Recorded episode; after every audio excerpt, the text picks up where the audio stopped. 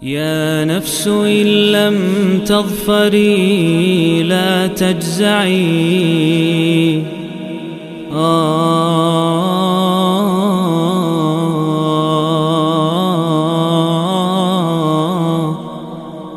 بسم الله الرحمن الرحيم الحمد لله رب العالمين والصلاة والسلام على نبينا محمد وعلى آله وأصحابه أجمعين أما بعد. Masih di serial 114 hari menyambut bulan Ramadan Kali ini kita di surat ke-29 Surat Al-Ankabut Yang merupakan surat Makkiyah Turun setelah surat Ar-Rum Dan sebelum surat Al-Mutaffifin Surat Al-Ankabut dengan demikian merupakan surat terakhir turun di Mekah. Surat yang terdiri dari 69 ayat ini ya. Disebut dengan al-ankabut mengambil dari ayat yang ke-41. Allah firmankan Mathalul ladzina attakhadhu min dunillahi awliya'a kamathalil ankabut ittakhadhat baita wa inna awhana al-buyuti labaitul ankabut law kanu ya'lamun. Dan al-ankabut sendiri artinya laba-laba dia menjadikan rumah tapi rumahnya tidak melindunginya dari panas dari hujan seperti itu atau kalau memang yang dimaksud dengan rumah adalah uh, jaringnya tersebut ya. memang ada pendapat ulama ya, menyebutkan tentang uh, apa makna baitul ankabut di situ nah Terlepas dari itu, memang kata-kata Al-Ankabut sendiri sebagian perumpamaan hanya sekali dia dalam Al-Quran. Di surat ini saja, dan berarti itu ciri khas. Lebih-lebih lagi, jaring laba-laba atau laba-laba itu sendiri benar-benar mencerminkan tema besar surat ini. Di mana tema besar surat ini adalah dahsyatnya godaan dan ujian. Dahsyatnya godaan dan ujian. Kalau kita lihat jaring laba-laba dia menjebak, dia melilit. Begitulah godaan dan ujian. Jaring laba-laba dia saling terkait satu sama lain. Begitulah ujian dan godaan. Jaring laba-laba nampak ruwet terlihatnya. Begitulah godaan dan ujian. Di sisi lain, jaring laba-laba indah kelihatannya. Meskipun menjebak, meskipun melilit, meskipun menjadi sebab kebinasan kelak dimakan si laba-laba. Begitulah juga godaan dan ujian dalam kehidupan dunia ini. Allah Subhanahu wa taala di surat ini awali dengan berfirman Nasu an yutraku an yaqulu amanna wa hum la yuftanun. Apakah manusia merasa aman mengatakan kami beriman kemudian tidak diberi ujian, kemudian tidak diberi godaan? Hah? Kemudian Allah taala menyebutkanlah beragam jenis cobaan dan ujian di surat ini. Misalnya Allah Subhanahu wa taala sebutkan paling pertama adalah ujian terkait dengan orang tua. Orang tua bisa menjadi ujian, bisa menjadi godaan.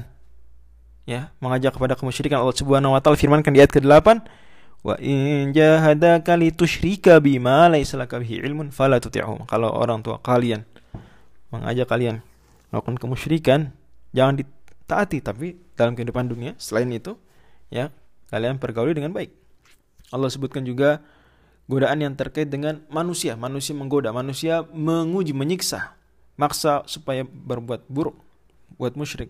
Kata Allah ayat 10, "Wa minan nasi man yaqulu amanna billahi fa idza udhiya fillahi ja'ala fitnatan nasi ka'adzabillah."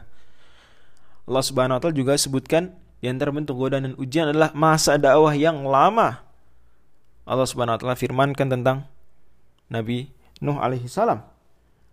Di antara bentuk ujian dan godaan adalah penguasa yang menyiksa, membakar. Misalnya Nabi Ibrahim Allah kisahkan dibakar. Ya. Allah ceritakan juga. Di antara bentuk godaan dan fitnah adalah hawa nafsu. Allah Subhanahu wa taala ceritakan tentang kisah Nabi Lut di sini.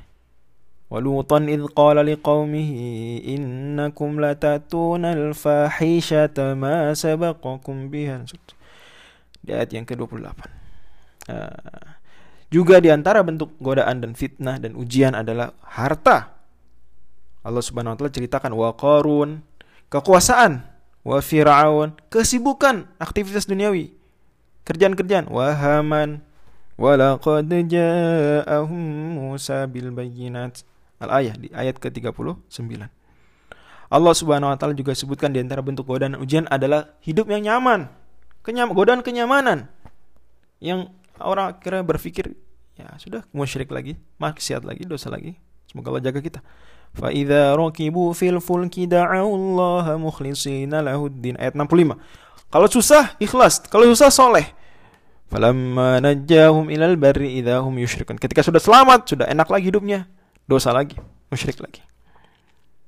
Pada akhirnya Allah Subhanahu wa taala simpulkan bahwa memang ya kehidupan dunia ini adalah penuh godaan, penuh dengan ujian, penuh dengan permainan, penuh dengan senda gurau.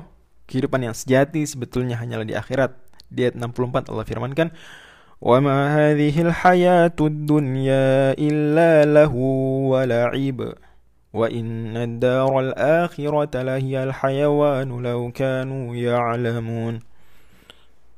Dan Allah Subhanahu wa taala kemudian menutup surat ini dengan menyebutkan bahwa di antara kunci sukses menghadapi godaan dan ujian dan fitnah-fitnah tersebut adalah dengan bersungguh-sungguh dengan mengeluarkan tenaga dan usaha yang maksimal.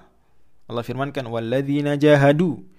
Tidak cukup di situ, juga harus ikhlas dan meminta tolong pada Allah. Fina lanahdiyannahum subulana wa innallaha lama'al dan juga diiringi dengan berbuat baik baik ketika di luar di dalam rumah bersama orang sendirian.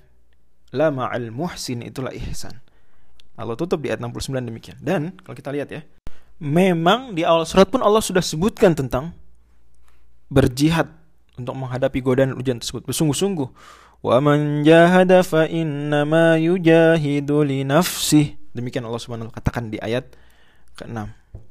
Nah, surat ini Al-Ankabut terkait dengan surat-surat sebelumnya dari sisi Asy-Syu'ara An-Naml Al-Qasas menyebutkan kisah orang-orang yang gagal dan sukses menghadapi godaan dan ujian beserta bagaimana kesudahan mereka.